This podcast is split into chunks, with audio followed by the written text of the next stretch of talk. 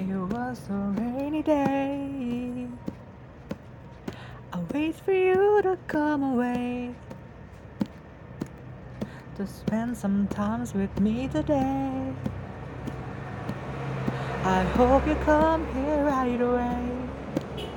But when you come and put your arms all around me, I'll soon realize that it's great to stay with you today.